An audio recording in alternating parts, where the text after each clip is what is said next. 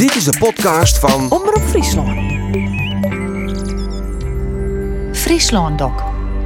Verhalen van het vlakke loon. De boeien berikt. 3.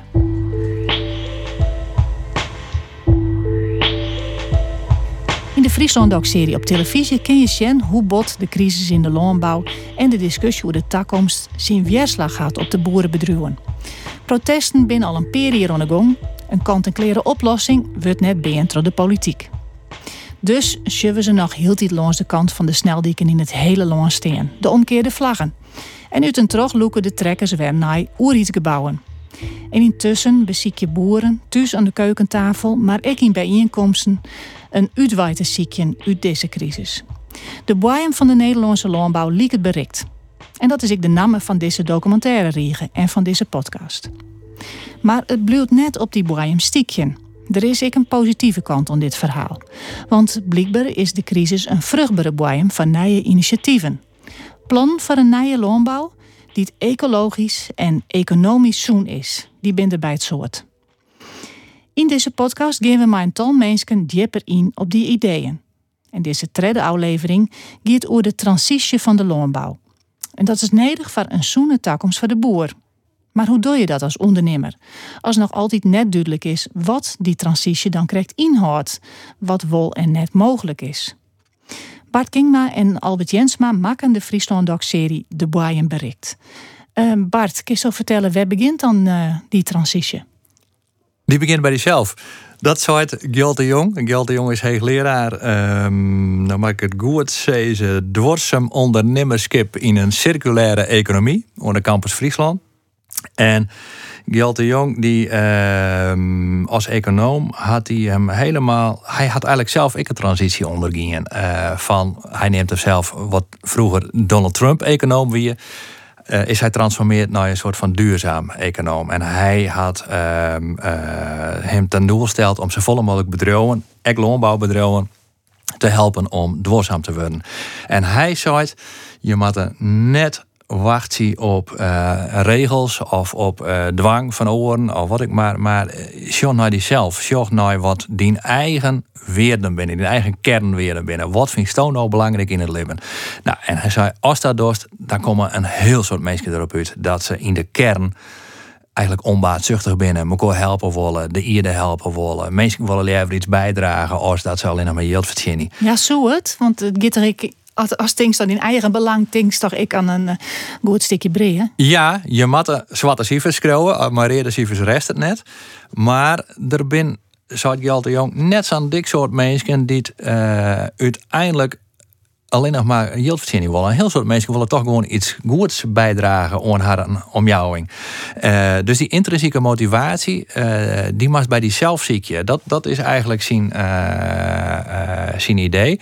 En vanuit die eigen intrinsieke motivatie, als to iets bijdragen wordt, als to de vrouw helpen wordt, dan kiest daaruit waar kiest ja, ik is eigenlijk dwarsem worden. Dat is, ik zeg het nou een heel kwart de bocht. Hij kan het volle beter vertellen en dat doet er samen en ik. Uh, maar dat is in kwad uh, zijn idee. Begin bij diezelf, zorg naar diezelf. En, en zorg net de bot naar alle regels en alle dwang en alle orenprikkels die het van boeten krijgt. Ja, dus een peteer maar geld jong uh, vanuit zijn deskundigheid, maar ik vanuit zijn persoonlijkheid. Ja, hij had een heel persoonlijk verhaal. Hij is zelf helemaal transformeerd. Ik zei van zeg maar Donald Trump econoom naar dwarsem econoom. En hij uh, had een heel ambitieus plan. Hij wil, uh, en dat plan had ik skreun en daar is hij nou ook mee dwaande. Hij wil dat de landbouw in Noord-Nederland van 2030 voor 50% natuur inclusief is. Natuur inclusief hoeft net bijvoorbeeld helemaal biologisch te wijzen, maar wel volle meer uh, in opbouw met de natuur. De, want hij vindt echt dat we dat machinaal dus uh. En dan moet je dus, zou hij ik, echt ambitieus in wijzen, want anders had ik niet zin meer. Goed, dank wel Bart. We zullen luisteren naar het peteer van Bart Kingma met Gjalt de Jong. Gjalt de Jong, jou hebben een heel ambitieus plan schreven over uh, transitie van de landbouw in Noord-Nederland. Nou is het bij een gesprek vaak zo dat je eerst heel uitgebreid praat over het wat. Wat is het plan? Wat moet er gebeuren? En daarna nog even terug praten over het waarom. Ik had het gevoel dat we dat nou beter oorsom kunnen. Dat we eerst maar eens naar het waarom zien moeten. van dit plan. Waarom willen jou dit doen? Waarom ga je dit schreeuwen? Ja, dat is, uh, dat is eigenlijk denk ik het beste punt om te vertrekken. Uh, en soms past we waarom in de tijd. Hè? Dus dan geven we 30 jaar weer waarom. Toen ik uh, student wie bij de economische faculteit en ik hier het gelok om te werken bij een van de, denk ik, meest vooraanstaande economen op dat stuit, Engels Madison.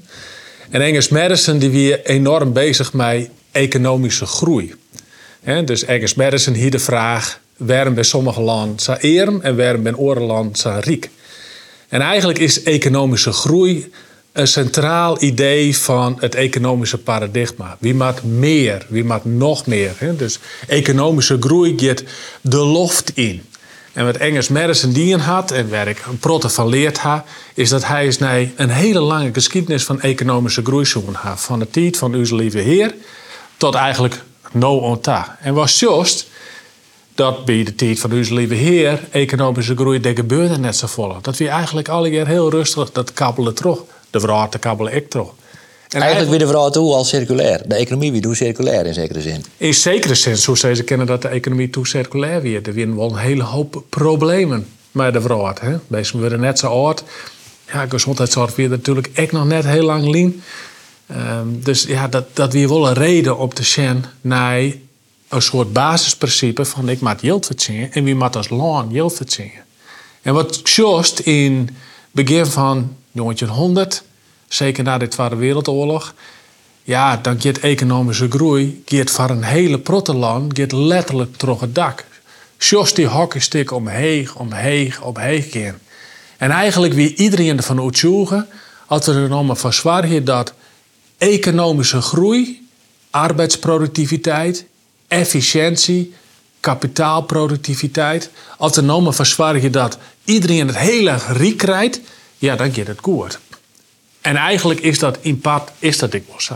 Als het we hebben romsjost naar Nederland, als het we hebben romsjost naar een protteland in de wereld, ja, dan hebben we eigenlijk een soort basisinkomen voor uzelf genereerd. En daarmee, met het basisinkomen, hebben we een hele mooie sociale zekerheidsstelsel op willen bouwen. We hebben in een protteland hebben een hele mooie gezondheidszorg op willen tuigen.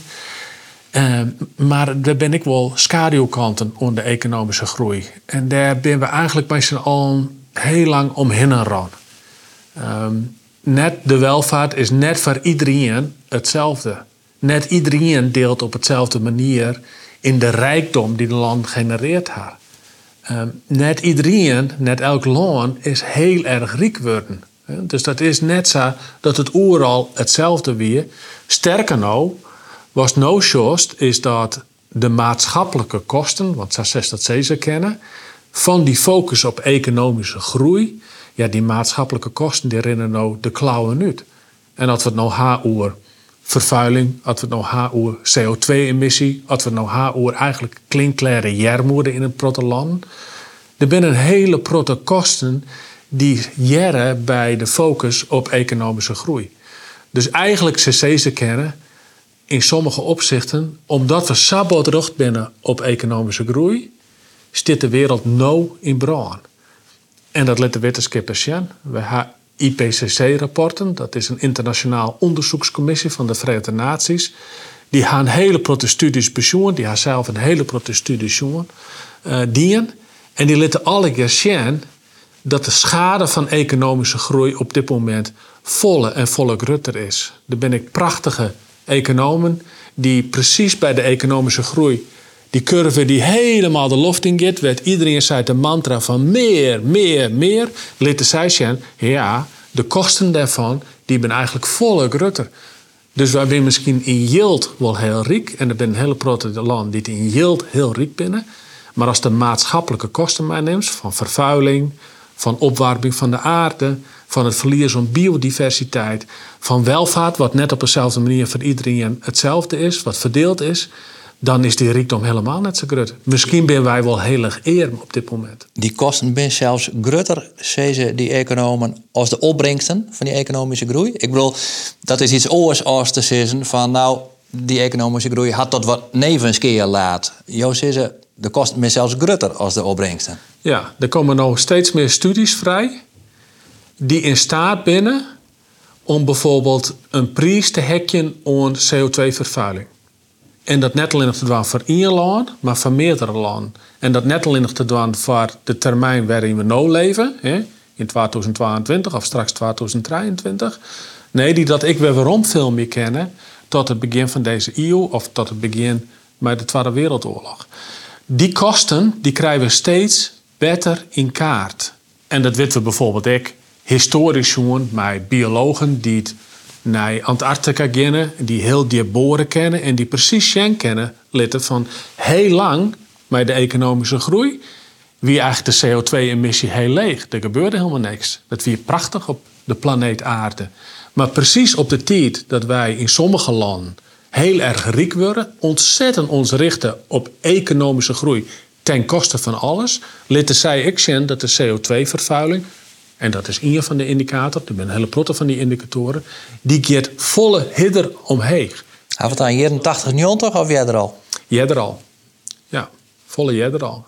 Dus de opwarming van de aarde, nou ja, laten we zeggen, sinds 1950 is dat gewoon een feit. En wat nou wetenschappers doen, die hingen daar een prijskaart om. En die lieten zien dat de kosten die daarbij jaren volle heger binnen dan de economische winst, het yield wat we daarmee verzinnen.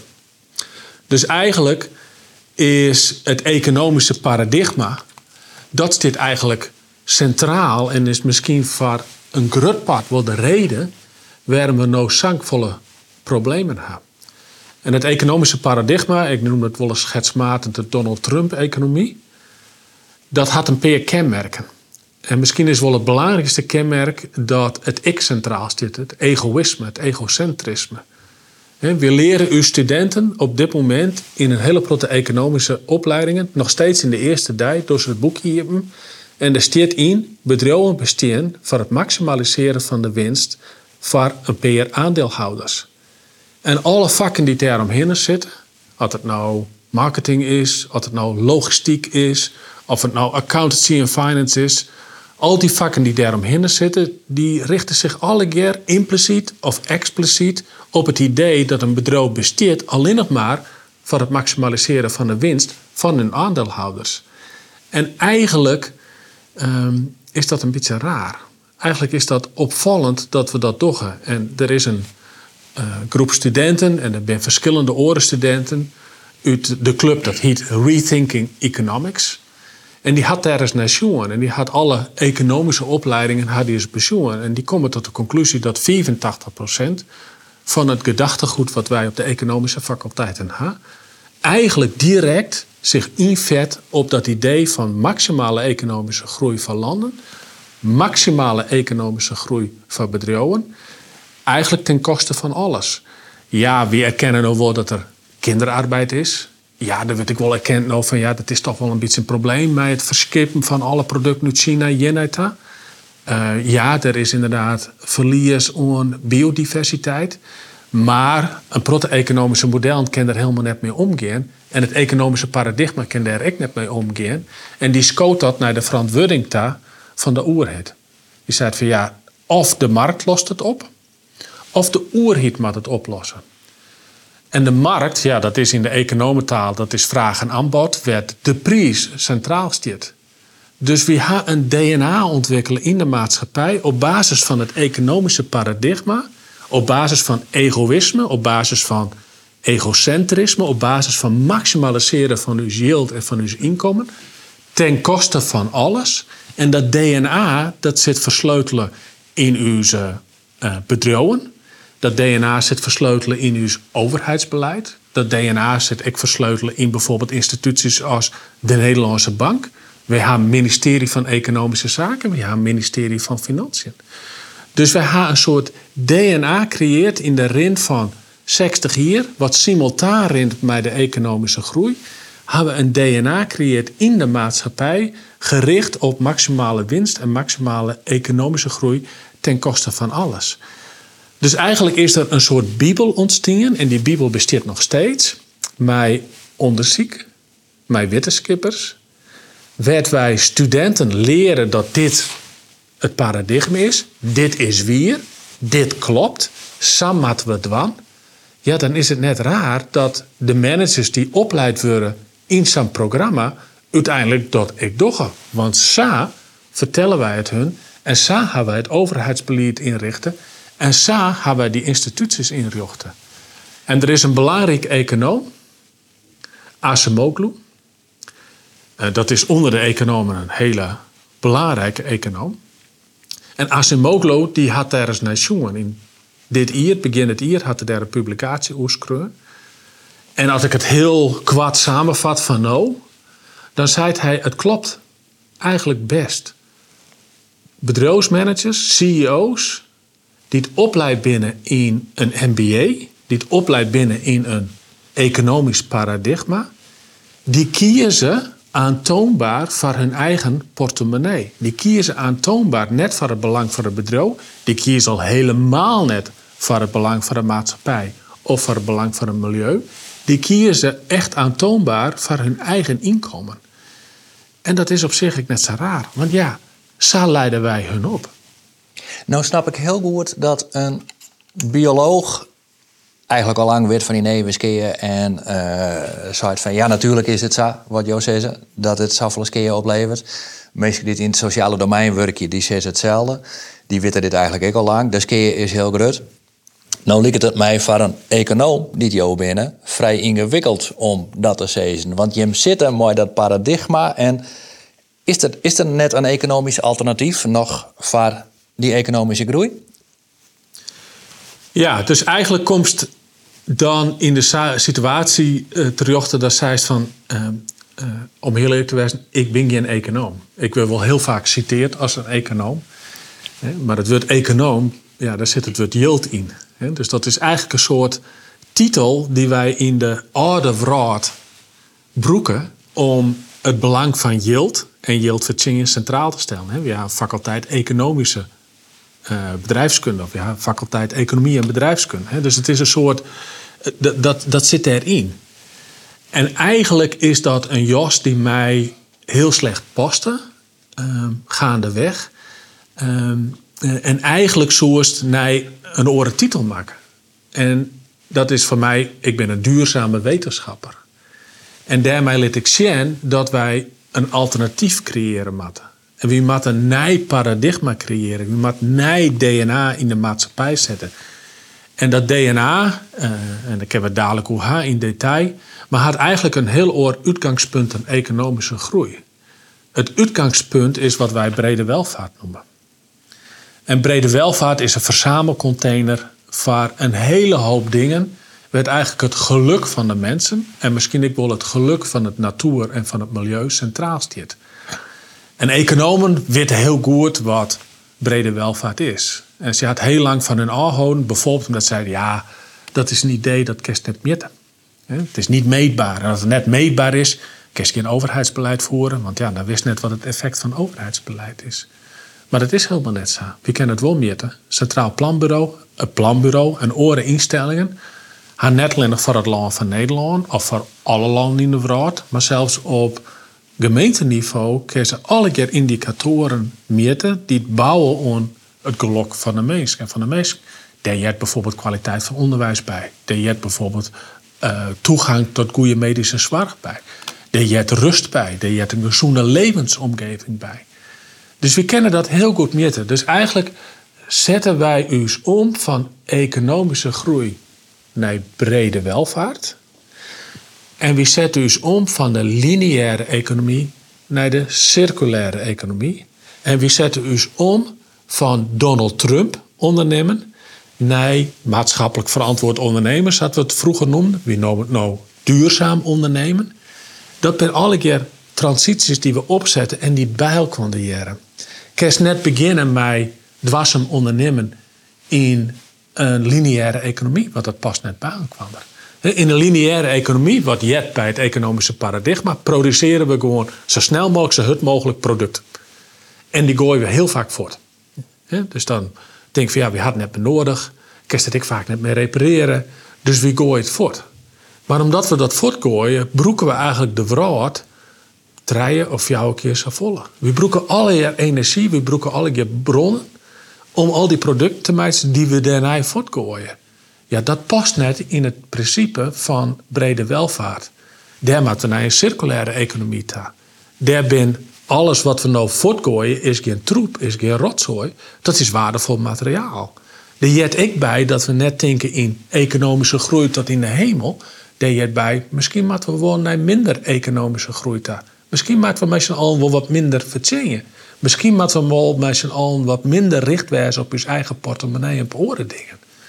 Dus die transitie van lineair naar circulair, van Donald Trump, van het oude paradigma van kapitalisme, van een markteconomie, werd op de markt de prijs bepaalt wat alle keer gebeurt, werd de prijs dominant is, werd het DNA in zit van echt het ondernemen van hun eigen portemonnee ten koste van alles, dat keert langzaam om naar een hele oren nieuwe economie. En dat is eigenlijk het paradigma. Werk, heel gewoon werk. En daarom noem ik mijzelf, om heel eerlijk te wezen, ik geen econoom meer.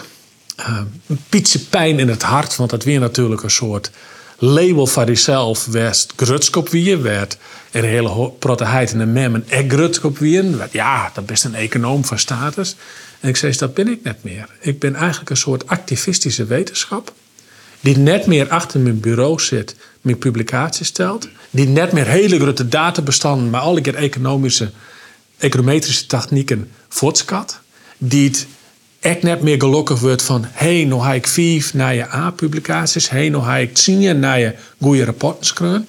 Nee, ik ben een activistische wetenschapper... die het achter zijn bureau welkom, komt en die zegt... ik geef mijn bedrijven, ik geef mijn organisaties... ik geef mij de maatschappij... ga ik nadenken over hele creatieve oplossingen... die we broeken kennen om te zwargen... dat we het nog krijgen te redden op planeet Aarde. Wat ik zei de hele tijd, de vrouw staat in brand. En als de vrouw net in brand staat, zoals in de tijd van onze lieve Heer, tot het begin van 1800, misschien wel tot het begin van 1900, ja, dan hebben we helemaal geen probleem. Wij mensen hebben mij uw gedrag, mij uw DNA, mij uw principe van de economische groei, al de problemen veroorzaakt. En ik vind het eigenlijk een soort morele en maatschappelijke plicht. Dat ik als wetenschapper een hele oren jas onlook, een hele oren manier van wetenschap bedrijf, samen met bedrijven, en dat doen we hier in Friesland, ontzettend interactief. Dat past misschien ook wel heel goed bij Friesland. Dat past misschien ook wel heel goed bij Noord-Nederland. Heel interactief ben we bezig naar de verskadenheid van problemen, uitdagingen, met een oplossing van verzekje willen. En dat is eigenlijk de kern van dwarsem ondernemen. En duurzame ondernemers, dat zijn de nieuwe Willy Wortels van deze tijd. Die maken zich druk over de problemen waar we En dat het nou de opwarming is van de aarde, dat het nou vervuiling is, of het nou is hoe wij ons voedsel produceren. Die denken van, dat ken oors. Dat mat oors en ze liet ik dat het oors ken. Dus ze komen met hele nieuwe innovatieve oplossingen. Met nieuwe, wat we noemen bedrijfsmodellen mij een hele oren intrinsieke motivatie. En ze zorgen ervoor dat er nieuwe markten ontstaan. En ze zorgen ervoor dat we nieuwe consumenten en consumentengedrag creëren. En ze zorgen ervoor dat we hele systemen in de maatschappij onder veroring binnen. Die zetten we op de kop. Daar zetten we nieuwe alternatieven voor. En die creativiteit, die dynamiek, ja, dat viel ik enorm. En dat is iets wat heel goed bij mij past. Er is een broodwiede beweging gaande van wetenschappers die zeggen van als er wat verhoren mat en dat mat, dan ben wij wetenschappers degene die meer naar voren treden willen. Ze nemen dat ik wel scientism. Wetenschappers die het meer activistisch worden. Wanneer ben je van wetenschapper scientist worden? Ah ja, dat is een. Uh, ik ben al verder in de tijd, dus ik ken daar nou iets hoe ze. Dat is toch wel ja, dat is toch wel opvallend en misschien ook wel mooi omdat het wat. Toen ik uh, bij de economische faculteit zie, wie ik eigenlijk heel grutsk. Want ik heb een skoft werkt in uh, de consultancybedrijven, werd alles hoe yield in gang. Dat wie ik in een. Ja, daar dachten ik en mijn vrouw heel vlug van, oeh, dit is net uw raad. Dit vinden we wel heel erg. Mijn war rooms, mijn client rooms, alles richt op zo snel mogelijk yield Dat wie al iets, dat past dus net. Dus ik ben heel blij dat ik weer waarom komen mocht naar de economische faculteit en naar de bedrijfskunde faculteit. Want dat gebeurt eigenlijk heel zelden. Hè? Als de jou vier uur uit bent, ja, dan bist een soort personen non grata van de wetenschap, dan bist het kwiet. En, en misschien is dat ik wel samen, maar ik mocht weer waarom komen. In In Grijs. En gaandeweg merkte ik, na een IRS 8, na een IRS 10, dat ik bij de economische faculteit zit, dat ik dacht van, ik vind het wel heel raar. Ik moet achter mijn bureau zitten. Ik zocht dat de vrouw in gaat. Ik mij er eigenlijk niks ontwan en ik mij er ook niks van vinden. Want ja, ze zijn bij u, daar kan toch niks op publiceren. En wij houden u daar net mee bezig. De rol van de wetenschap is net om boeten de kantoren om daar iets onder te doen. En ik merkte dat ik eigenlijk heel erg ongelukkig was. Dus ik ben, heel eerlijk, na een Iris 18 kreeg ik een burn-out. En wie ik stommende wurg. En ik snapte er niks van. Dus ik dacht, hoe kan het nou dat ik in een bevoorrechte positie, ik zit toch in een ivoren toren, ik ga een respectabele baan, ik heb alle vrijheid, ik kon dwannen litten wat ik wil. Hoe kan het nou dat ik ongelukkig was? En als dat dorst, als dat mij makkest, ja, dan is toch, en ik kom daar straks nog weer waarom, maar dus een van de eerste dingen is toch dat we gist naar die eigen normen en waarden. Naar die eigen geschiedenis. En als dat jost, dan ben ik opgegroeid in Friesland. Ik ben opgegroeid in een ongelooflijk warm gezin. Ik ben opgegroeid in een gereformeerd nest. Ik ben opgegroeid in een dorp, in Oensjerk. En het weer alle voorspelbaar en het weer heel erg normaal. Dat is goed zwaarst voor de oor. Eigenlijk weer dat een norm. Eigenlijk weer de norm, dat denkt net zo bot om jezelf. Door zwaarste voor, dat is goed zwaarst voor oren. Dat is waar wij verstellen. Dat is wat we maken. Dus dat norm, dat kun eigenlijk samenvatten in het woord altruïsme. En ik ben er heel lang omheen gegaan. Ik denk, ja, altruïsme, kom op. Dat, daar wil ik eigenlijk niks mee te meiden haat. Dat, dat, is, dat is net, dat is, ja, dat is uh, bedoel. Dat is iets waar ik net, dat, daar wil ik niks mee. En op een gegeven moment dacht ik... Altruïsme, uh, onbaatzuchtigheid leidt ik net tot economische groei? Nee, helemaal niet. En uh, in die tijd weet ik dat ze, ja, milieu, er is wel een milieuprobleem, maar het milieuprobleem speelt zich in China. Ik weet heel cynisch hoe het milieu. Hè. Ik zat in van, uh, mijn vrouw weer er al jaren mee bezig. En dan zei ik, nou, ik ben econoom, ik zet even voor de uitrekening, zo was CO2-uitstoot. 80% is China, de rest is de Verenigde Staten. En uw staartpunt is heel iets, dus wij hoeven daar helemaal niks aan te doen. Dus ik kreeg een, ja, een soort weerstandhouding in het naar je bij mezelf. En op een gegeven moment ben ik daar een soort doorheen gegaan. Ik dacht van, wat zou het mooi wezen als we dat wel centraal stellen. En ik ben toen mijn meester in parteergang in Friesland, met dwarsame ondernemers. En die zeiden, ja, welkom to de club. Wij doen dit al lang. Sterker nog, dit is uw leidmotief in uw bedrijf. Wij bestaan helemaal net voor uw eigen portemonnee. Ja, geld, wie maakt zwarte cijfers. Hè? Wij staan ek in de wereld. Wij maken ek geld verzingen. Maar wij doen dat met oplossingen wij de meesten het beter krijgen in Friesland, in de dwarpen. Na je energievoorziening, dwarsame hoezen. We zorgen voor ecologische producten voor de tuinbouw. Uh, wij hebben circulaire hoezen. Dus dat zijn alle keer oplossingen die het echt heel erg direct een bijdrage jouwen aan dat idee. Wie dat een eye-opener, dat die meesten al bestaan? Dat die? Mij, dat weer voor mij volledig een eye-opener. Hoe, hoe raden ik in die tijd? Hè? Dat is nou net meer, maar in die tijd dat ik achter het bureau wegkwam en dat ik met mensen praat dan. En dat mensen zeiden, ja, nee, natuurlijk ben ik eens nog de economische groei. Ja, natuurlijk doen we dit oors. En dat is helemaal net GreenLinks, dat is helemaal net PVDA. Dat is gewoon de kern van wat wij doen. En dat doen we heel professioneel. En misschien zijn duurzame ondernemers wel heel erg nodig, omdat de overheid die complexiteit net oplossen kan. Omdat de overheid gevangen zit in zijn eigen ideeën. Dus ja, wij matten de zaak oostwan en wij brengen dat door de kop. En sterker nog, wij hebben personeel en dat houden we gewoon leven lang in chest. En we hebben hele goede salarissen. En ze zijn heel gelukkig en ze mij oorlog mij beslissen. Dus dat weer voor mij een soort nij DNA, een nieuwe bedrijfsfilosofie, een nieuwe vrouwfilosofie, waarvan ik dacht, huh, ken dat ik? En is dat succesvol? En zullen we dat net succesvol maken? En kan ik dat net faciliteren als wetenschapper? Die vraag kwamen voorbij. Ja, en er gebeuren twee dingen. Het eerste, ik wie heel wurg. En ik weet het nog precies. Het wiel ook op een vrede midden. Het is nou iets van 18 lien. En ik zei het mijn Greetje, mijn vrouw, van uh, ik ben uitnoegen voor een, voor een borrel in de stad. En er is iemand die wil iets doen met Friesland. En Margreet zei, mijn vrouw, dat ken het jongen, dat is hartstikke wurg. Dan moest op die zaal stinken, doet het nog net. En ik hier het gevoel, ik moet er toch heen. Dus ik ging naar die borrel daar, dat weer netwerkborrel in de Woldhoorn in Greens. En uh, daar zit Jouke de Vries. En ik hier, de bestuursvoorzitter van de rug. Ja, maar dat wilde toen net. Nee. Hij is no bestuursvoorzitter van de rug. Dus hij zei van uh, mij zijn van uh, fantastisch de jong. Ik ga nog een econoom doen en wie doen een rare ding, naaie ding in Friesland. En uh, wie gaan derde zaak op een kop zetten. En ik zei, nou, dan er ze voor. Want, even het goede begrip. Hij, Jouke de Vries, wie destijds beleste met het opzetten van de University Campus Friesland.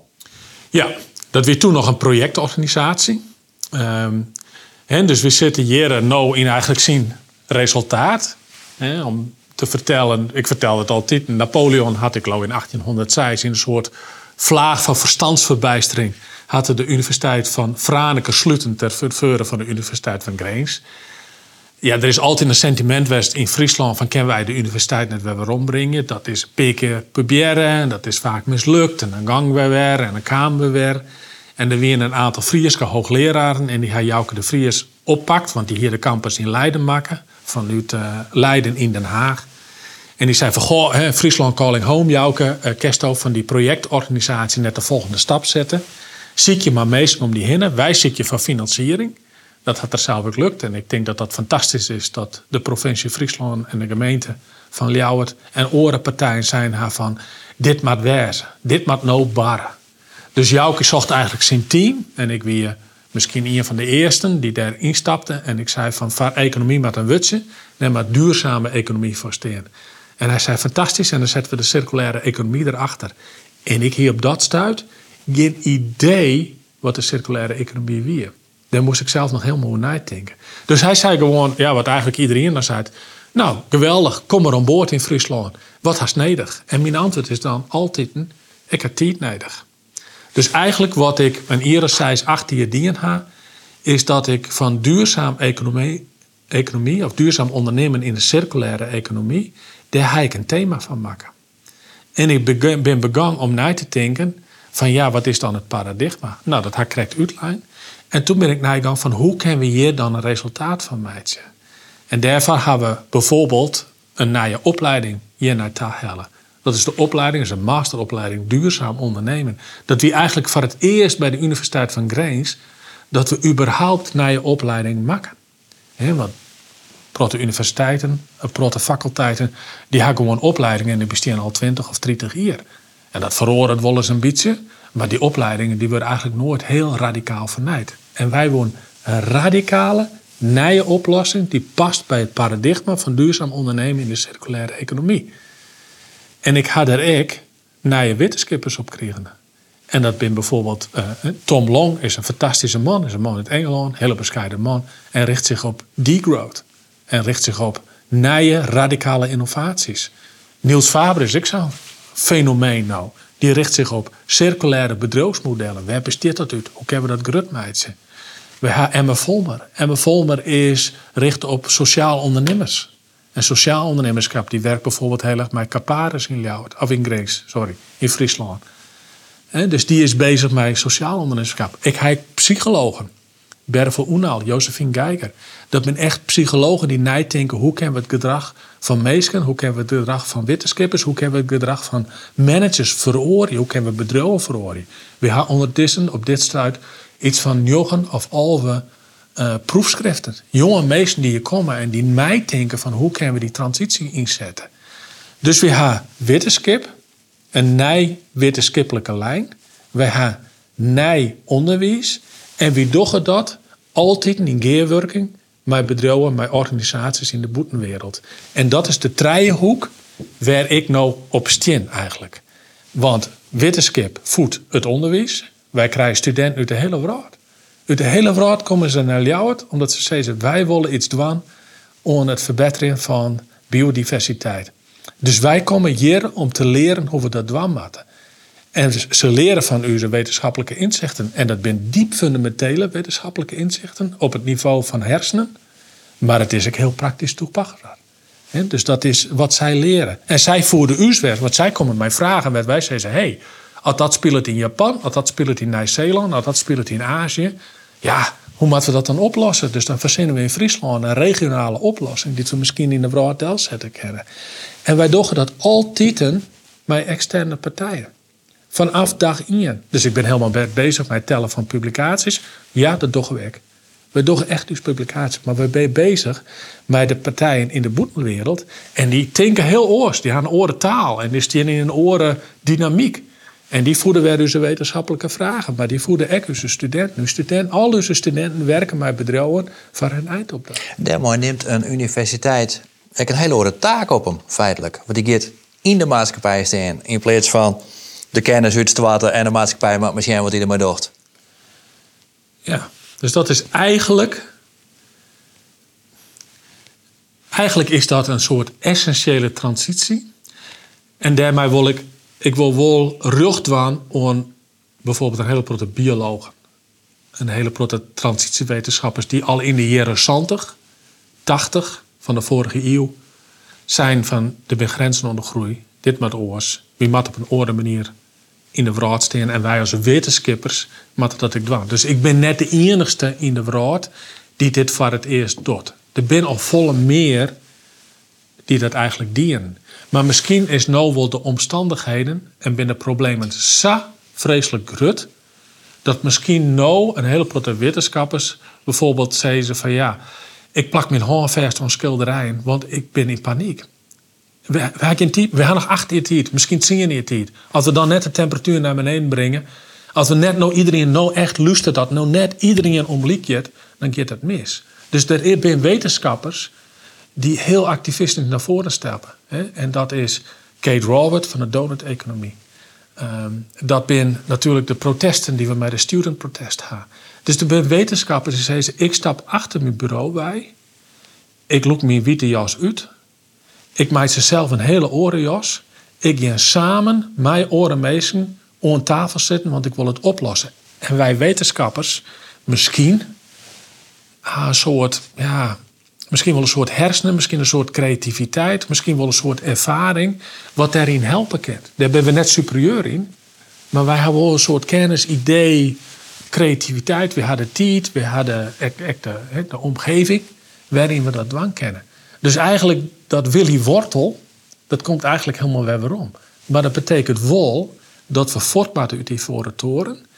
Dat betekent wel dat we interdisciplinair werken. Ik bedoel, er is nou een hele nieuwelijke trend. Ik zeg het altijd over big data. Over ICT. Over technologie. Ik ben blij het zelf dat mijn telefoon het doet. Ja, mijn baas zegt me wel eens wat mee waren gewoon, maar dat is ongeveer waar ik zit. Ik snap niks van technologie. Maar ik snap wel dat technologie misschien ontzettend belangrijk wijze kan om heel snel oplossingen te vinden waarmee we de wereld redden kennen. Dus dan hebben we technologen nodig. Ja, die praten in technologentaal. Het kost het tijd om samen een goede taal te ontwikkelen, maar dat kan. Als de tijd van makkers. En dus best een groot pad van de week kwijt. Om geer te werken, om samen te werken. En om oplossingen te verzinnen. En dus ben ik net bezig met publiceren. Ik doe dat op een hele andere manier. En dat ik mij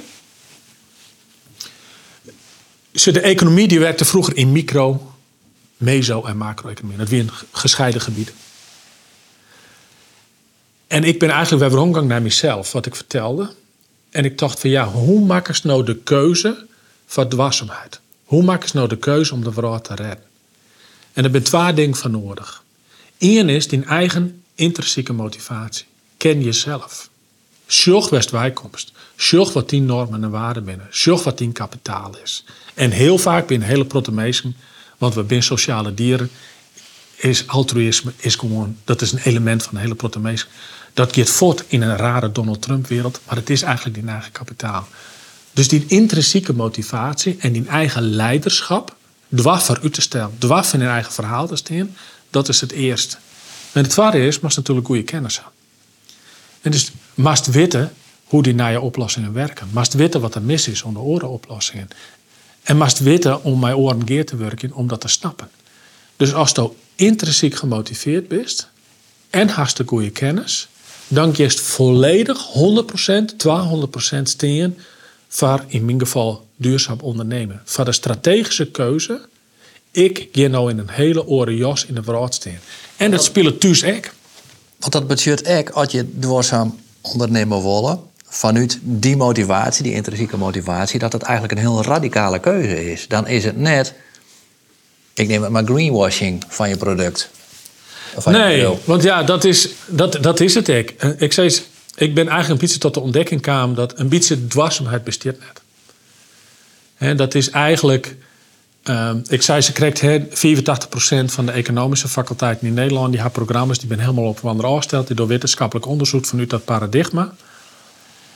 En, en dan zei ze uiteindelijk, haar ze een aantal hoogleraren of gastcolleges, die zeiden van nou ja, wat we vertellen klopt niet helemaal. Het is een beetje raar. Hè? Stel je voor, wij zullen op de medische faculteit een drie bachelorprogramma hebben van de geneugde van het roken. hoe maken ze goede sigaretten? Hoe maken ze mooie tabak? Hoe kan dat ongelooflijk goed verslaven meisje? En dat is na drie jaar zei ze van, oh ja, maar daar krijg je kanker van. Dus dat is een hele rare situatie. En dat zijn hele grote bedrijven die zitten in dezelfde klem. Die denken, ja, ik maak misschien iets met duurzaamheid. Dus nou ja, we gaan afval recyclen in uw kantoor. Of we zetten alle auto's oor op groene energie. Ehm, maar dat zijn alle keer oplossingen waarmee hun eigen bedrijfsmodel net fundamenteel verandert. En dat is maar de wetenschap extra. Kerst eigenlijk net oorgaan naar duurzame economie zonder het orde ja, te stoppen of uit te wezen of te zeggen dat ken net meer jongens. Wie kent dat net meer dwan. Wie moeten radicaal oor, volledig 200% helemaal oor naar het nieuwe paradigma. En dat is wat we hier in Ljouwen toch. Ik heb geen collega die twijfelt. Ik heb geen collega in de omgeving, in mijn bedrijfsleven, die twijfelt aan die noodzaak. Ik zag wel de struggling, ik zag ik wel de transities, maar er ben een hele protte uh, ondernemers hier in Friesland en in Noord-Nederland, die krijgen zoals mij die reis maken want die ben ongeveer even oud. Hè. We komen alle keer uit 68, we komen alle keer uit die tijd. We zijn alle keer in de tijd van economische groei opleid. En die alle keer met hun persoonlijke crisis of met een ervaring dat ze op reis gaan binnen, of dat ze misschien een persoonlijke ervaring had dat iemand ontslijnen is, dit zei het van ja, dit ken het. Wij maken echt radicaal oer. Dus de nieuwe stip op de horizon is brede welvaart. De nieuwe stip is dat wij people, planet en profit in evenwicht brengen. En dat horen we in evenwicht. Dat is vaak bedrouwen in transitie net eenvoudig. En wat een hele protte bedrijf doggen, en misschien ik wel een hele protte meesten doggen, is dat ze zeggen, nou ja, we hebben marketing site. De NAM en de Shell had een afdeling op duurzame windenergie. En die investeren daar echt wel in. Maar ja, hun basisactiviteit, het oppompen van olie, waarmee ze direct het milieu vernietigen, waarmee ze direct bijdragen aan de opwarming van de aarde, dat bedrijfsmodel, en daar vertellen ze godgruwelijk volle hielp mij, dat verhoort net in essentie. En toch ken het. Want er zijn voorbeelden van bedrijven. Philips is één. Philips weer een lampproducent. Philips maken stofzoekers. Dat is nog steeds skeerapparaten. Philips had zich langzamerhand omkat naar een bedrijf wat helemaal zich richt op medische, uh, hele complexe producten. Axo Nobel weer vroeger zout. Het is een heel oud bedrijf. Dus transities kennen. Mensen kennen verhoren, bedrijven kennen verhoren. Een groot probleem is de vraag zit in brand. En mast uiteindelijk voor 200% kiezen ik ga voor duurzaam ondernemerschap kiezen. Als die keuze mak hast, en ik ga die keuze ongeveer 18 jaar maken, en het weer echt met bloed, zweet en tranen, dat wie, dat wie echt net moeilijk, of makkelijk. Dat wie echt heel moeilijk. Ik vond het, mijn gezin had er een protte les van. Mijn vrouw had er een protte les van. Mijn omgeving had er, ik had honderdduizend gesprekken. Ik ben in een grote zoektocht, maar als het uiteindelijk zei van nee, dit is mijn kleedje, hier kan ik verstehen. Dan treft soulmates, maar dan merk ik, daarna wordt het makkelijk. Want bij bedrijven, als je één keer de strategische keuze maakt, haast van duurzaamheid. Van wij waar een oplossing te verzinnen waarmee we de raad redden. Dan is die interne organisatie heel makkelijk. Want ja, dan kerst net plotseling met een soort Donald Trump houding. Een soort schreeuwende baasniveau.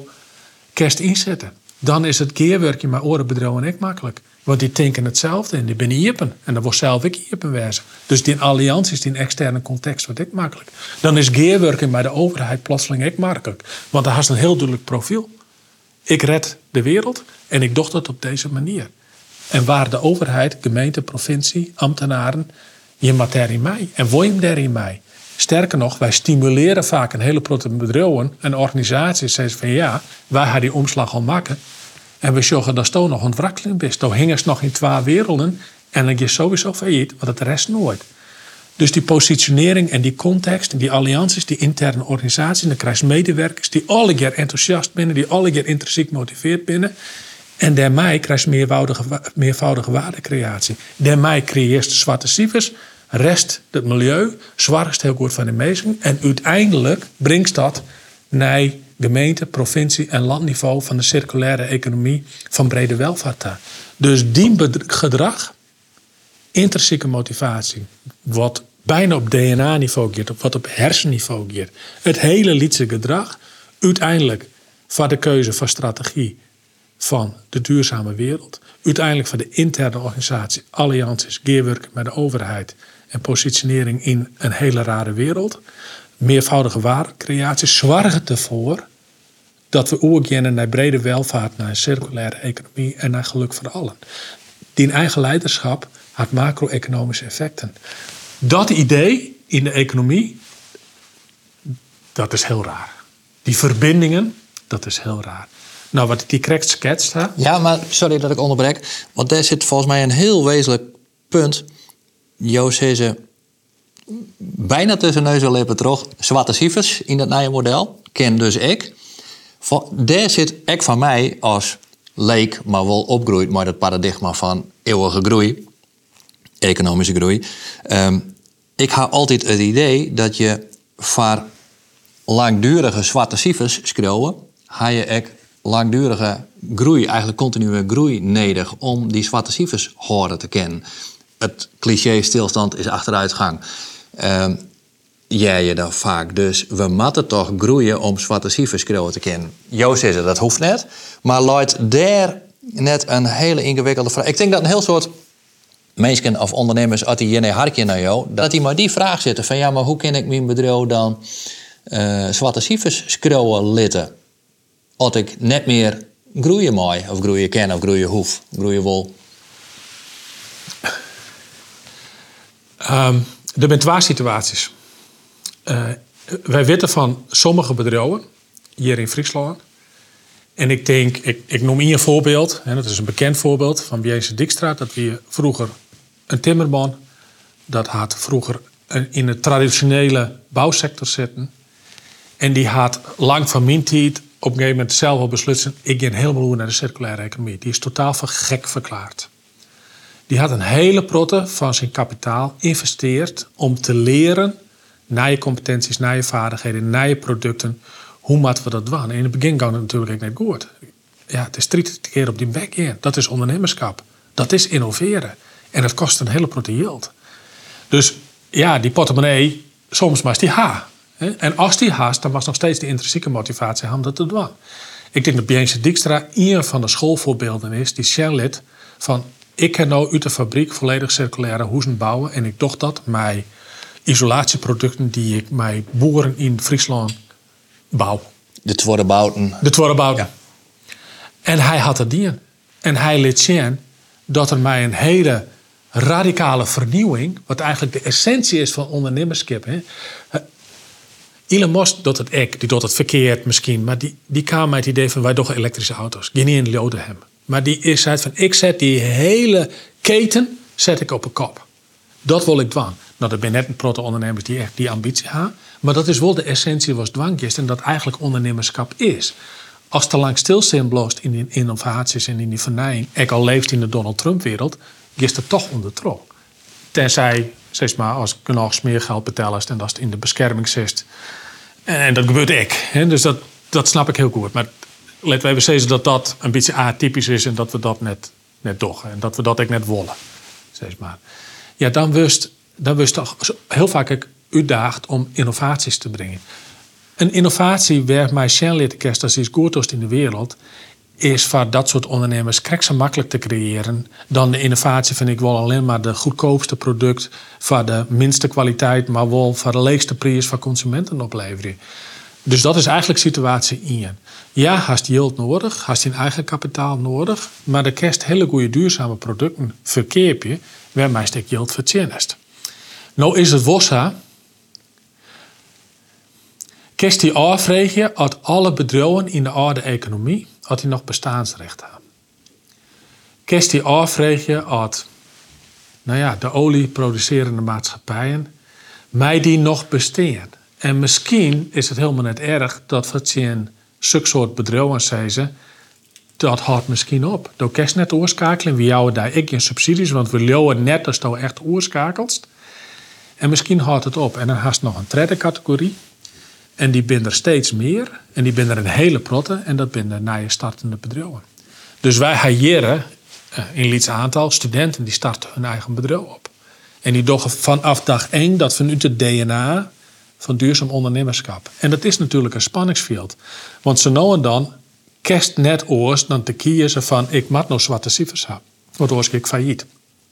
Dat is het spanningsveld tussen die verschillende belangen, die verschillende heren, die staan zingen best. En dat gebeurt ook. Dus zo nou en dan is het prima om te zeggen, ik doe eerst yield verzingen mij een simpel product. En dan voeg ik langzamerhand de complexiteit rond aan. Dus het is een transitiepad was die zelf. En het, ja, zo nou lukt het om vanaf dag 1 volledig circulair te wezen, vanaf dag 1 volledig duurzaam te wezen. Maar eerlijk is eerlijk, we zitten nog wel in een transitie. En dat mij en dat kennen. Dat doet niks aan aan de kernbeslissing.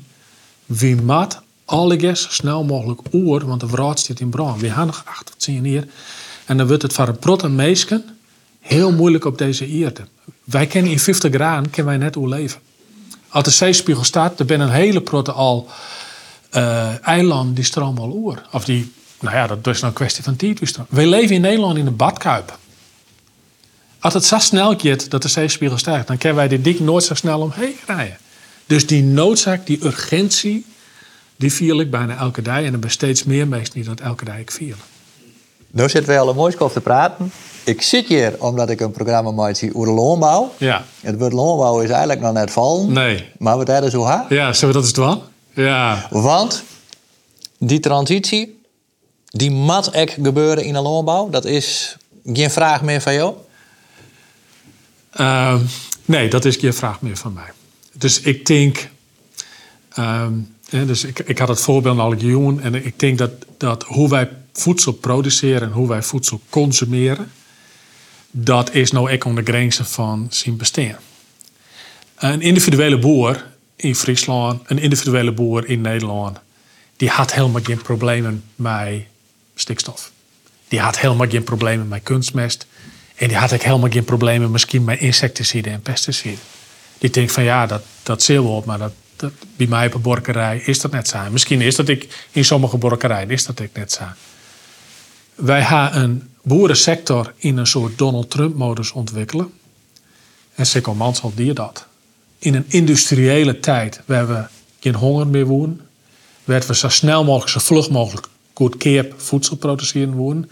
Ten koste van alles. Ja. Oh, als je de grijdenvogels wat minder binnen. Nou ja, wie moet toch voedsel produceren, want er komen meer mensen op de vrouw en wie moet geen honger meer hebben. Ja, we, use, we uh, broeken insecticiden en pesticiden. Maar hadden dat net nog een keer dus oogsten En ja, we moeten elke keer meer insecticiden, want er komt resistentie. Maar ja, dat is dan zo. Nog maar meer middelen. En ja, dat milieu erom. Alles in de heilige graal van het inkomen van de boeren van het inkomen van de ketenpartners, van de omzet en de winst die in de coöperaties draait wordt. En werd we steeds, ja, maar we werken toch in een internationaal concurrerende markt. Wie moet bulk hebben, wie moet concurreren met al die landen die dik melk produceren en het gaat alle keer om de leegste prijs. Ja, ik altijd dat ze dat net doen en dan gaan ze gewoon naar de oorta en dan verschoot het probleem. Dus we zorgen in dit model het alternatief net? Nee, en dat is, dat is misschien wel werd werd ik mij, werd mij Jouke, een Iris Twaalien. Uh, we beide komen uit de familie die een soort agrarisch deel erin had. Hè. Jouke zijn hij weer landbouwadviseur. Minheid werkt op de praktiekschool in Oensjerk. Hij kon geen koolmelken, hij die de administratie, maar het kwam wel op tafel. We zien het al het waar in Dwarpen werd vroeger een hele potte volgens wie en werd vroeger eigenlijk die boeren lieds en behapbaar weer. Ehm, dus uit die intrinsieke motivatie hebben we zoeken naar dit probleem. En wat wij zeggen is eigenlijk niet lost het op. We praten erover, maar niet die het logische wie ze dwang kent, lost het echt op. Hè? Omdat hadden... alle disciplines met elkaar weer te verbinden. Is dat het probleem? Nou ja, ik denk in essentie is het een belangrijk probleem. En de logische, individueel had je, wij als maatschappij hebben een probleem van de landbouw. De, de negatieve effecten van de, van de landbouw die spelen in uw maatschappij al. In de natuur kan zich net verdedigen, want die had net een minister, ja, die had wel minister, maar die had geen stem. Dus de problemen spelen zich af bij een domein waar logische weersteeds ja, dat maakt eigenlijk een kabinet van. Of een provincie. Of het wetterskip. En ik denk dat ik net helemaal vlok in de tjerken. Dat is dat de dynamiek in kabinetten en in verkiezingen heel vlug in these antithese gaan. Ik zeg dit en het is maar de goede intenties, maar heel snel komt er een tegengeluid. En dan zeggen ze, ja, nou ja, wij willen dit net. En wij gaan uh, zwaar dat ze volle mogen stemmen. Ha. En dan komt er een nieuwe minister van Landbouw en we doen dit net.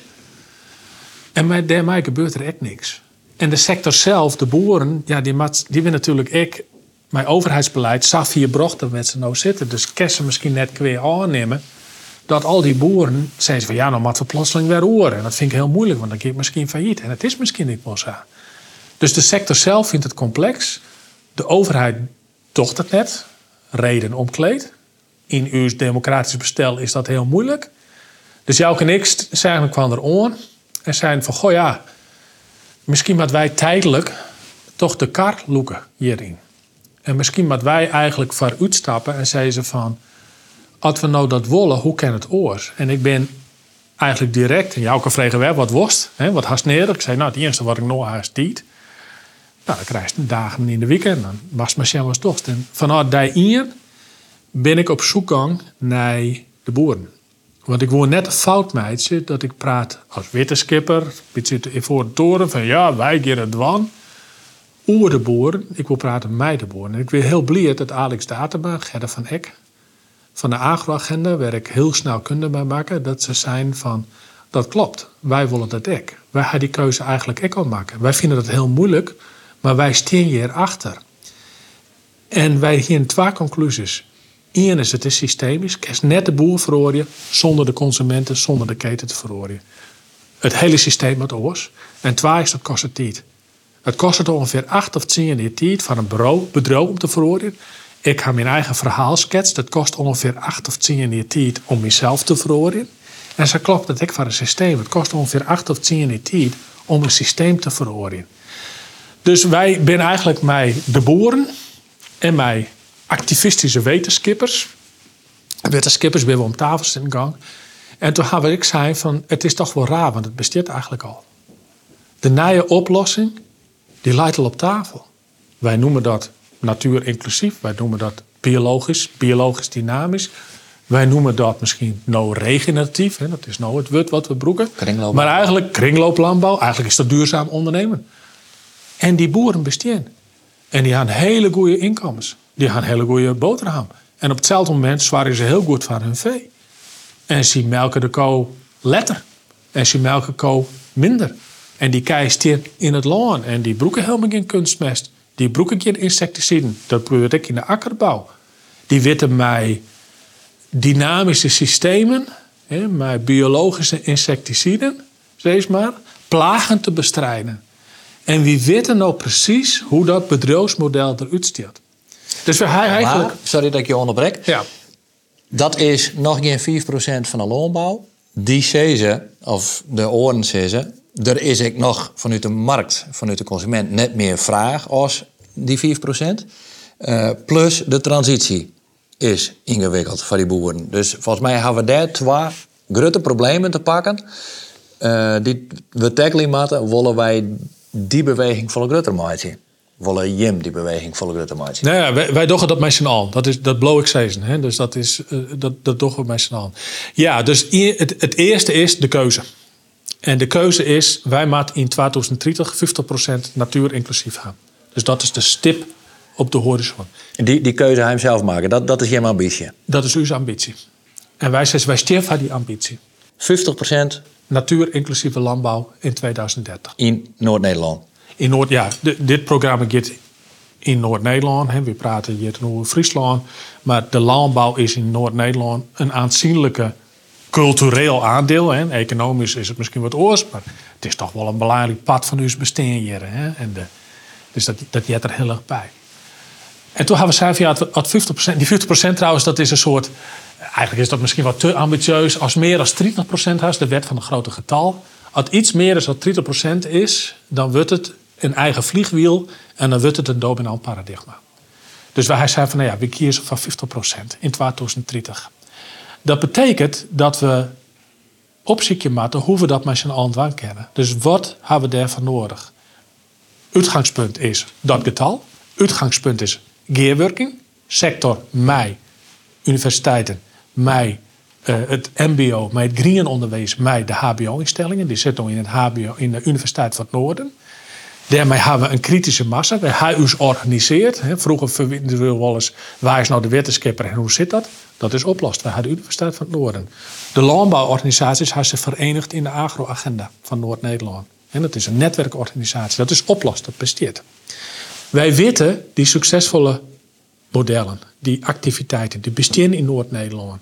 Dus wat wij zijn, wij moeten eigenlijk een paar dingen doen. We moeten nieuwe kennis ontwikkelen van de boeren die dat wel willen, maar net weten hoe. Dat doen voor mij het principe van, ja, een Engels woord, maar Living Labs. Living Labs is een idee dat werkt, en dat doen we hier bij Campus Friesland, maar dat doen we ook in Friesland, waarin eigenlijk wetenschap, eh, eh, overheid, in dit geval de boeren bij kwamen stappen en zeiden van... oké, als we geen kunstmestbroeken matten... hoe laten we dan groeien? Hoe doen we dat dan? Daar zijn oplossingen voor. En er zijn tientallen van dat soort vragen die we oplossen kennen. Dus wij willen eigenlijk living labs... waarmee we in essentie gezondheid van de mens... gezonde bedrijfsmodellen en gezonde natuur die trijenhoek baan konden brengen. En ik zei dat dit nog een trijenhoek kan staan, maar het altijd een trijding baan konden brengen. En dat jet ik baan. Kerst net een gezond bedrijfsmodel ha, zonder dat ze rekening houdt met de natuur. Dat kan net meer. Kerst net gezonde mensen ha, zonder dat ze rekening houdt met gezond voedsel. Ik wie een beetje naïef en ik ben bijpraat tegen onze meesten van UMCG. Dat ik zei, ja, er zit wel insecticide in, maar met het kookje van het eten, dan gaat toch het rest pesticiden eruit. Dan is je gewoon bijna van die stoel af. De jong, hoe dom je het wezen? Dit is giftig voedsel. Ja, en het voedsel van biologisch, biologisch dynamisch, natuur inclusief, dat had volle hegere voedingswaarde. Maar laat je net nog een heel groot eh, eh, ding om te oefenen. Dat wij als burgers, als consumenten, ons nog lang net bewust zijn van de gevaren van pesticiden, eh, het gebruik daarvan in, in gewaaks. Ja, Ik denk nog altijd dat ik zo niet, als ik gewoon maar groente en fruit eet. Ja, en, als, en, en het grappige is. ehm, ehm, dus, dus deze dezelfde medici die hebben mij verteld. Die in, in de ziekenhuis zei ze van ja, het is een beetje raar. We hebben obesitas in Nederland en in de wereld. En we zijn eigenlijk te dik. Nou ja, ik ben ook een beetje te dik. Op hetzelfde moment ben we eigenlijk ondervoed. We eten net de goede nutriënten voor ons darmen, voor ons microbioom. En als we dat net goed doen, dan worden onze hersenen niet gelukkig. En ons hele lichaam is eigenlijk steeds, ondanks dat we te dik binnen, ben we een beetje ziek. Dus we moeten ook op leren voedsel voorbereiden en koken en, en eten. Dus dat moet, dat doen. En dat is eigenlijk onderdeel van dit programma. Dat consumentengedrag, wat we bijvoorbeeld bij de herenboeren hè, Dat is een prachtige oplossing. Wat we doen met de voedseltuinen en de zelfpluktuinen. Dat is eigenlijk heel educatief. Dat is helemaal richt op van... Ja, je kiest zelf voedsel. Hè. We proberen meestal... Nou ja, we hebben zelf ik een moestuintje. Nou, dat is een crime om dat te leren. De slakken binnen overal. Ja, dat mag leren. Maar je zelf helemaal weer herontdekken... van hoe bereist nou eigenlijk voedsel voor? En hoe is dat op een goede manier? En wat kerst wel eten en wat kerst net eten? Dus dat die living labs... Bij de ketenpartners, dat is in je. Maar we moeten ook naar je opleiding gaan voor de boeren. Want ja, alle programma's dat nou, krijg je bij de economie, helaas van een grutpad ben nog steeds voor het maximale productie van de kei. En ja, gooi er maar kunstmest op. Dus we moeten helemaal naar je opleiding gaan. Binnen een peer, maar we moeten volgens mij naar je opleiding gaan. wie maakt coachingsprogramma's hebben. Maar een boer op zijn boerenerf wordt begeleiden. En die moet zelf zijn eigen jas aanpakken. Die moet zelf zijn eigen jas maken. Die moet zelf de keuze maken van, hé, hey, dit kan ik doen. Wie keer je nou boeren nu? En dat mat ik. Maar er blijft een hele protte oer die nog steeds op een hele andere manier voedsel produceren moeten. Nou, daar moeten we coachingsprogramma's van hebben. U moet het goed bijhouden, documenteren. Want ja, Noord-Nederland is in. We doen dit in Noord-Nederland. We proberen dit echt te doen, dit transitieprogramma in Noord-Nederland. Maar de binnen oren van u, en die hadden we En die gaan hoe slecht nou de voedselproductie is in sommige parten van de wereld. Daar kan geen kunstmest in. Daar kan geen waterbeheer meer mee hoor. Daar maar alleen nog maar met de natuur workje. Dus we in grote parten van de wereld moeten we echt helemaal oer op nieuwe manieren van voedselproductie. En hoe mooi zou het wezen dat we in Friesland Zezen kennen, na acht jaar. Wij hier in dit programma, shirt dat meestal al een keer broeken. Wij zijn een schoolvoorbeeld van die transitie. Ja, dat weer net makkelijk. Dat weer echt net makkelijk voor boeren. Ja, dat kost het geld. Daar mag een stipje. Maar mijn nieuwe opleidingen, opleidingen, mijn nieuwe coachingsprogramma's, mijn nieuwe living labs, mijn gearworking, mijn orenhouding van de wetenschappers, mijn orenhouding van de boeren, mijn orenhouding van de overheid daarin, mijn gezamenlijke visie dat we dat dwang kennen, is dat u lukt in 10 tijd. En dat is de tijd die is ongeveer haast. Dus ik denk dat dat eigenlijk de ambitie is die we hier doen. Dat is nogal een ambitie. Als er geen urgentie weer. In sommige parten van de wereld wie het in de de simmer 50, 55, soms 58 graden. En dan zeggen we soms, ja, dat is in de woestijnen van de wereld. Dat is volstrekt naïef. Ook hier in Friesland wordt het al volle warmer. Het wordt volle water. Nou gaat het nog goed. Maar dat is een kwestie van tijd. Dat het ook hier in Friesland heel erg warm wordt. In 50 graden kun je toch helemaal geen voedsel meer produceren. Al het wetten was erop gegooid. Dat verdampt direct. De klaar is voort. Dus het is een volkomen naïeve gedachte dat de klimaatverandering zich net afspeelt hier in Nederland en dat het net gebeurt. Het is een, het is een sluipmoordenaar. Sorry dat ik het zeg, het is krijgs als kanker. Als er net in de gaten, maar wie in de Als we net nou, als die urgentie net is, dat we nou alle keer omgaan. Als we net zeggen, meestal het mat radicaal oors, ja, dan wordt het toch heel een verdoemenis. Ik ken er geen verhaal van meidje. We hadden maar alle rapporten naar jongen. We hadden maar de wetenschap naar jongen. Hoe, hoe je net die urgentie vieren? Hoe je net denken dat het net helemaal oors mat? Dat mat oors, want we, ja, sorry, maar het wordt heel, stel je voor dat het in grote parten van de wereld, laten we zeggen even een klassieke voorbeeld van Afrika. Daar is het al zo warm. Het is toch logisch dat mensen op een gegeven moment denken van, ik ken je net, dat is een biologisch mechanisme. Ik moet vluchten, ik moet voort. We gaan ze heen, ze stekken de zee en ze proberen ergens te komen waar het nog wat koud is, koel is en waar nog voedsel en het nog in is. Dat gaat gebeuren. Dus u moet als de zoden weer weer gaan verzinnen oplossingen hoe dat wel kan. En dat kan. We hadden creativiteit. We, we, Weet ik hoeveel wetenschappers? We hebben, we hier in Nederland tien eh, universiteiten. We hebben enorme kennis. En bovenal, wie ben schat, hemeltje, rijk in Nederland. Broek al het geld nou om die oplossing te, in te zetten. Het had je zin om op spaarpotten op te zetten. Wat had het voor zin als de wetter oer dikken in de klotst? Wat had het voor zin als het 50 graden is? Wat had het voor zin als de milieuvervuiling zo heeg is dat we eigenlijk alleen nog maar in de hoezen kennen? Dat kunnen we net met airco's meer koelen, want dat kost het volle meer energie. Dat is alleen nog maar een extra katalysator van nog meer verhitting. Dus eigenlijk die, ja, dat gevoel van, van het gaat op een verkeer. Dat we nou net als de dus wat ik, wat ik ambitie neem, dat neem jouw urgentie. Ja. Ik zeg dat heel ambitieus, Joost. En uh, ik sluit me, ik wil vroeger zeg ik, ik Marian Minnesma als een soort clown. Jan Rotmans als een soort ja, wetenschappelijke prutser. En wat hier in zijn gelijk, het wordt urgenda, daar zit het woord urgentie in. En wat hier in zijn gelijk, dat tot het leidmotief wijzen moet No voor alles wat we doen. En als het net voor zelfs doet, ik bedoel, wij zijn 50, wij zijn 54, wij hebben onze wij hebben onze pensioenen. Ik denk dat wij het nog wel redden in de wereld. Maar onze band en onze bandsband dan. Wat voor voorouder worst wezen? Het is toch volle beter dat ze toch bij die kist zeggen van hij had zijn best hier. Het is misschien net lukt en hij was misschien overambitieus, maar hij had wel het opzetten en hij had het wel proberen. En hij had het bezieken. En hij had een alle stront door hem heen kring, maar hij had het wel alle proberen.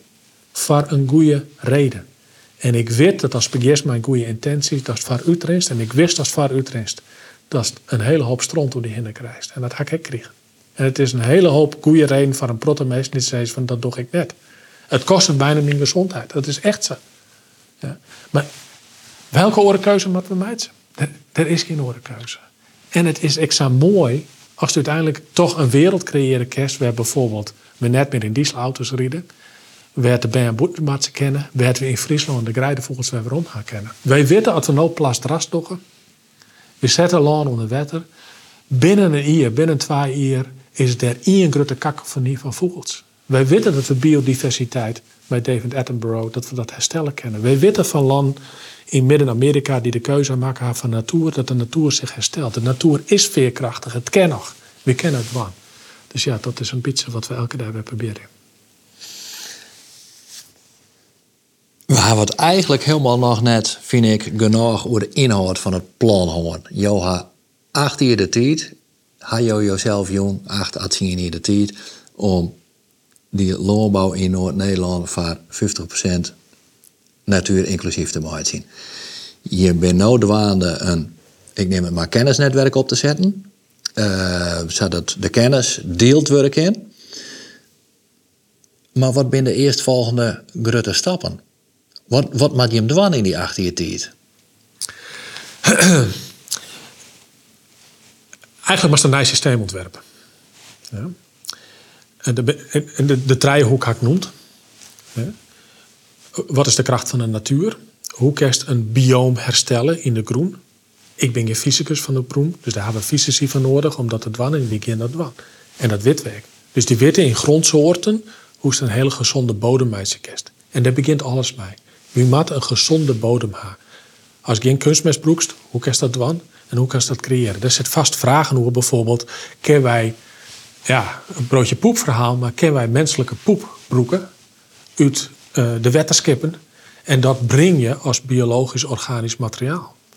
Zitten daar medicijnresten in en hoe mag die er dan uithalen? Wanneer is het veilig, wanneer is het net veilig? Hoe doggen we dat in de logistiek?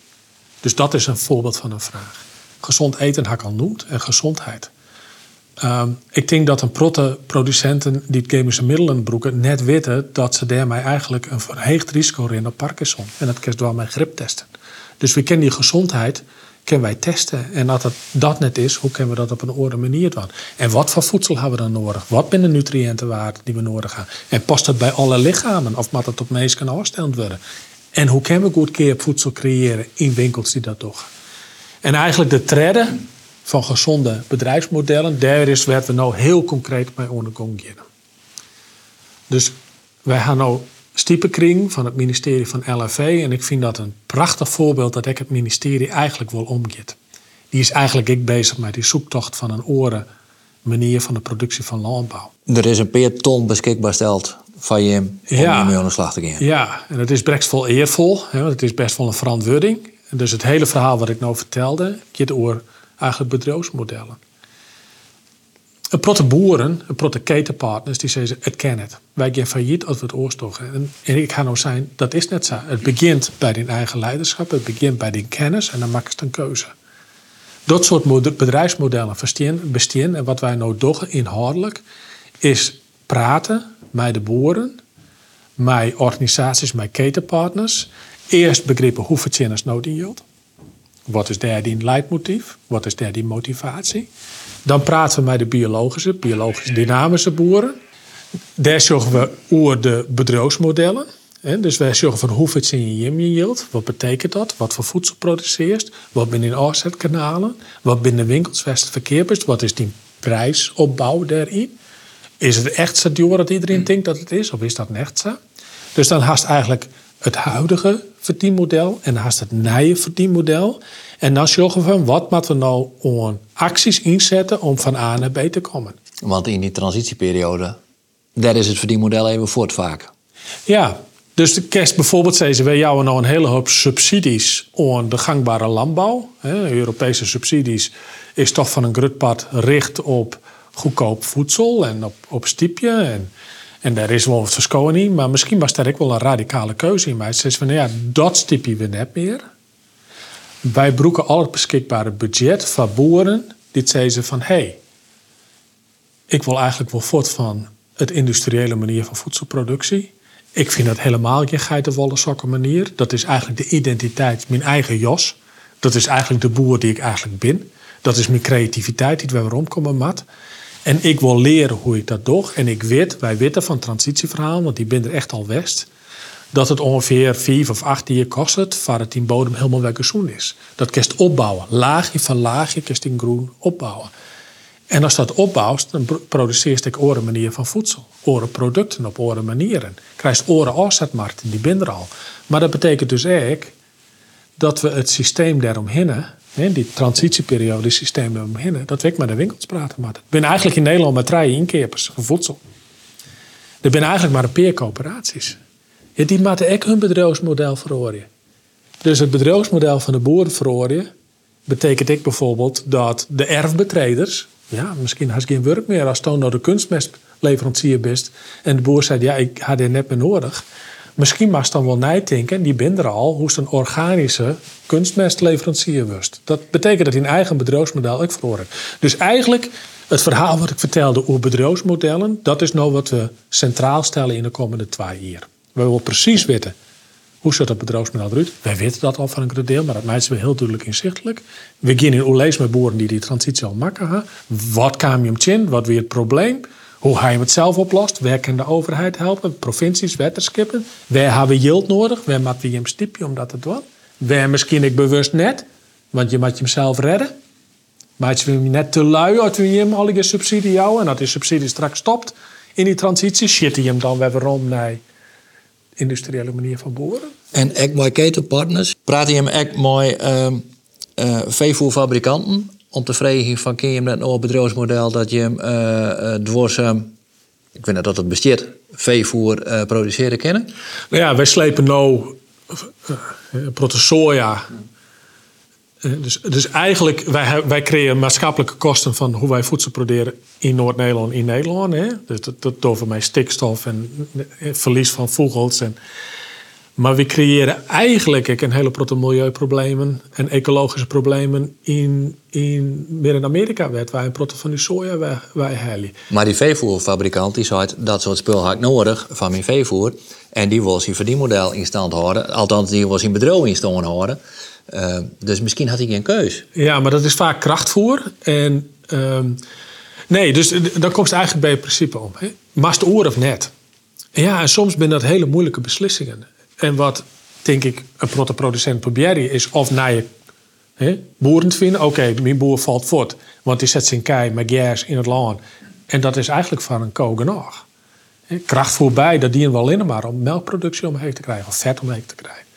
Dus dat is eigenlijk net nodig. Dus maar ik praten met die ketenpartijen, met dat soort uh, partijen, en die hebben bijvoorbeeld ik de financiële instellingen, zoals de Rabobank bij.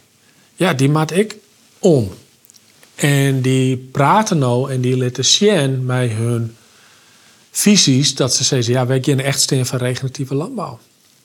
Maar in de praktijk blijkt het dat ze misschien nog steeds de traditionele landbouw stiepje en boeren die komen zeggen, maar ik wil een lening voor biologisch landbouw. Dat ze ja, dat toch wel net, want dat ken natuurlijk. Dus die maat echt in hun bedrijfsmodel. Dus eigenlijk, het, klinkt heel complex, maar eigenlijk is het heel erg voorzichtig. De boer zit centraal, die had erfbetreders, die had coöperaties, die had financiering en die had de overheid. En we had consumenten. Dus het is eigenlijk, het, het, het wel een protte partijen, maar die hebben alle keer dezelfde vraag. Kies ervoor om ooit te gaan en de vrouw te redden of net? Als er net verkiest, wat ze dan toch is dat ze voortzitten misschien naar boeren in Polen. Of ze, ja, ik kan net alles controleren. Dus dat, ik kan net alles in de hand houden. Hè? Dus dat is, ik kan net bij, bij iedereen een pistool op een kop zetten van... Gij zult dit nu doen. Sterker nog, ergens heel lang lien in dit verhaal, in dit gesprek, zei je, het moet een intrinsieke motivatie wezen. Ja. Met een motivatie vanuit de mens zelf wezen. Ja. Kunnen je hem dat creëren? Want aan de kant ben je hem nou eigenlijk bezig om te proberen mensen en bedrijven te uitzoeken dat ze die kant opmatten. ja. Dat is net best vast een intrinsieke motivatie. Nee, ik denk dat, dat ehm, in uitzonderlijke gevallen, als je opgroeit bent in de Verenigde Staten, in een land werd iedereen zei ik wel eens een pistool rent, in een land west bij haverklap eh van de rugbank sleepwerkest, west in eigen advocaten hast. In een land van heeg wantrouwen en angst en, en grote conflicten. Eh, als, het- als het opgroeit best in zo'n gezin, in zo'n situatie, dan is misschien de stap naar, zeg maar, van Donald Trump naar Barack Obama is misschien wel te groot.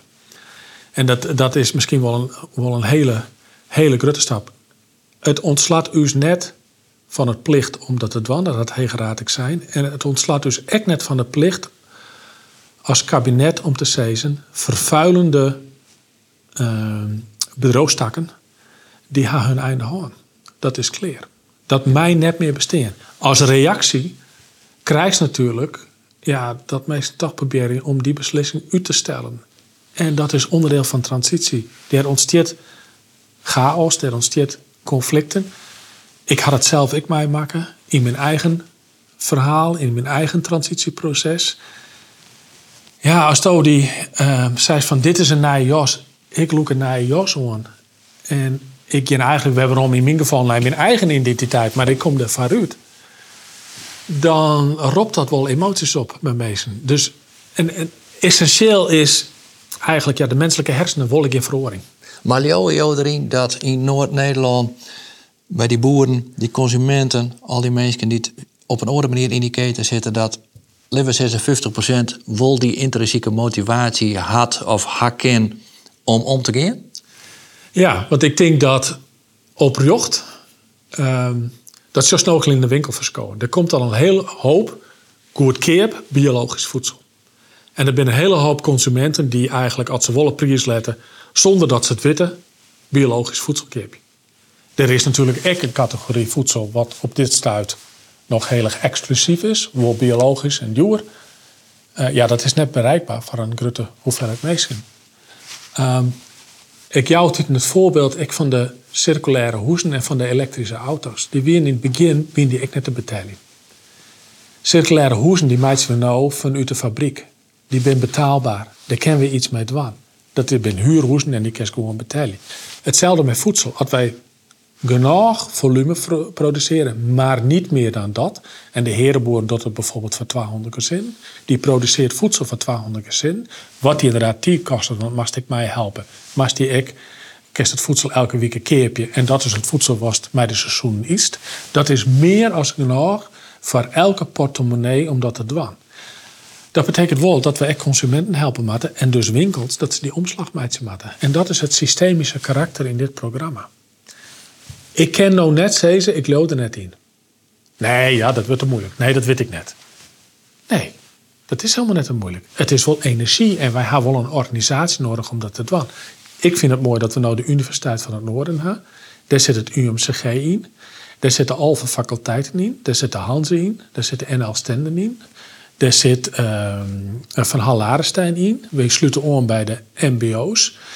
En wie hadden agroagenda. Dus eigenlijk een kritische massa hebben we nou voor het eerst een unieke situatie dat we zoveel kennis en kunde hebben. Als we dat maar organiseren en dit programma, dat paraplu-programma van het Sikko Mansel Transitieprogramma. En misschien moeten we daar nog iets zeggen zo Sikko.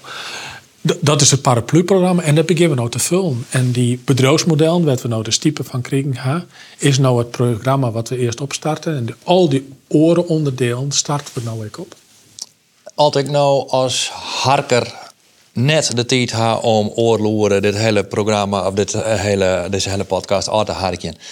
Um, maar ik zou graag in Twassen witte wollen, wat is het Sikkelmanshal transitieprogramma? Wat kunnen wij als boeren en burgers de komende jaren verwachten? Altijd aan jou luidt. Hoe lees je dit op meer die feestje? Uh, gezond voedsel, goed keep, waarmee we de natuur redden. En dat is helder? Ik denk vooral even bij dat good keep. Is dat helder? Ehm, ja, dat is haalbaar. Ons voedsel, wat we nu produceren en wat in winkels leidt, is eigenlijk subsidieerd. Dus daar zit hele volle. We denken dat dit de echte prijzen zijn, maar het is enorm verstoord. Die marktprijs is helemaal net de echte prijs. Eigenlijk zo is het in de voedsel ook de kosten van onze milieuvervuiling meenemen. Maar eigenlijk zo is het in de prijs van de voedsel ook de transportkosten en de milieuvervuiling van de productie van soja meenemen matten. Eigenlijk zo is het de opwaardekosten uh, zo is het ook in meenemen. Dus wat we nodig is een prijs aanbieden aan consumenten, wat helemaal net de echte prijs is. Dat is een hele verstoorde prijs.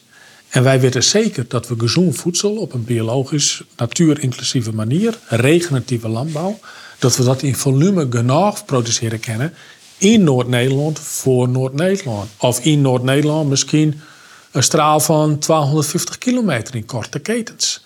Dat betekent wel dat we net meer soja importeren. Dat op een andere manier. Dat betekent ook dat misschien onze export net lukraak altijd in de hele wereld ook gaat.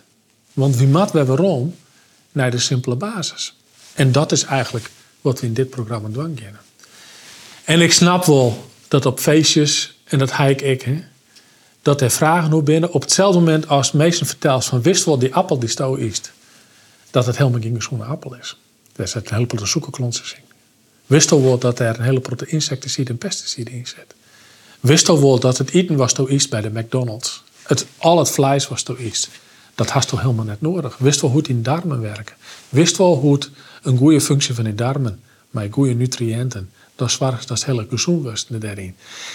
Ja, vroeger weer dat, zeg maar, in uw tijd, in uw gezin, kochten wij altijd natuurlijk het eten op de markt.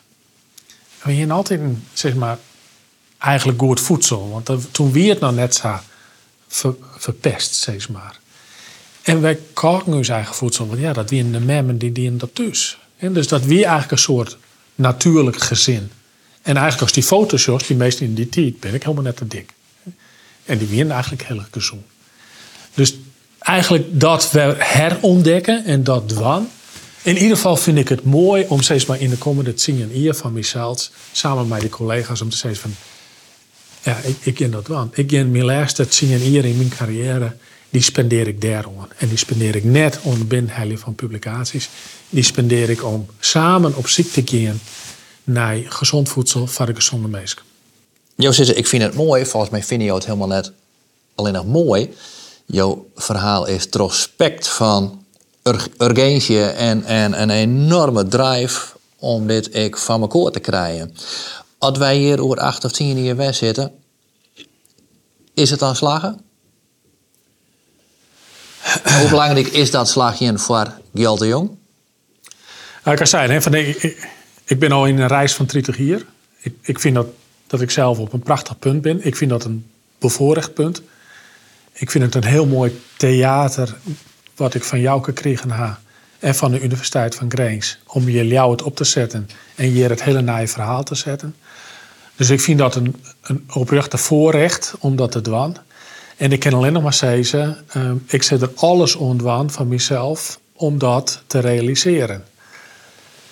Um, tot nota, ik wil, ik wil echt het opzetten. Ik wil echt een nieuwe opleiding van dwarsame economie.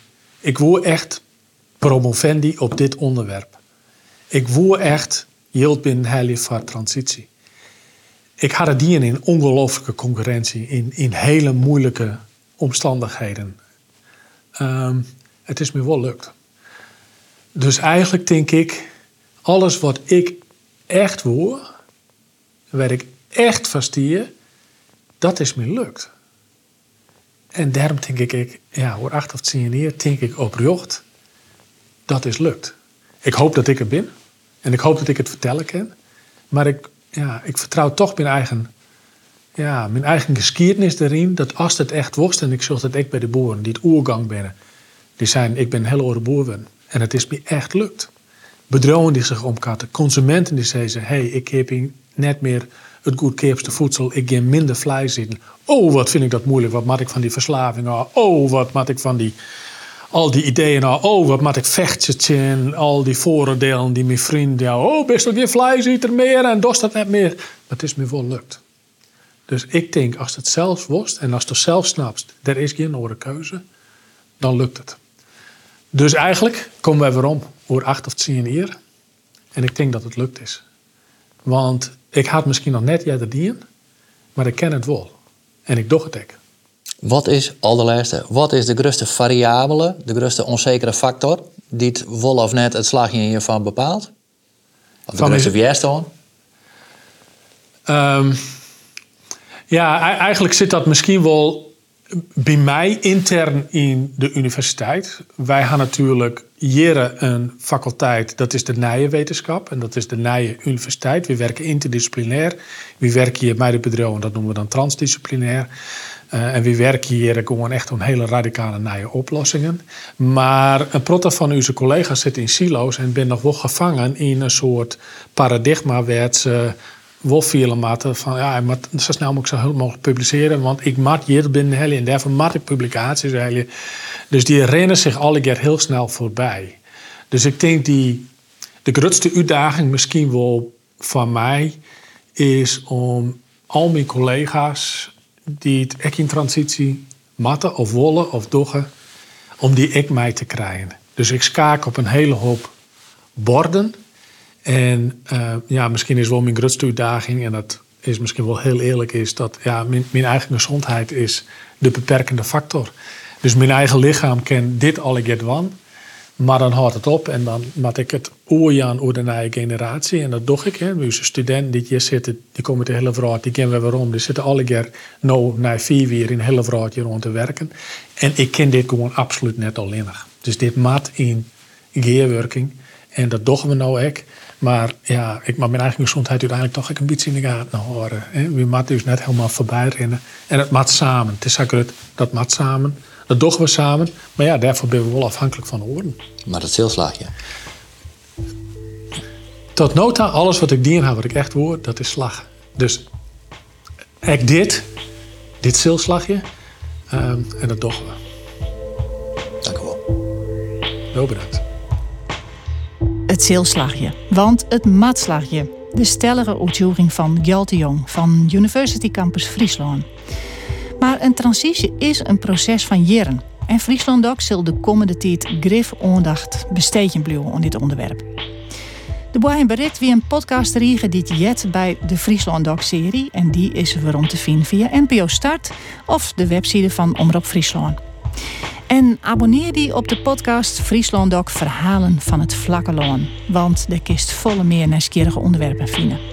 Dank u wel voor het hartje.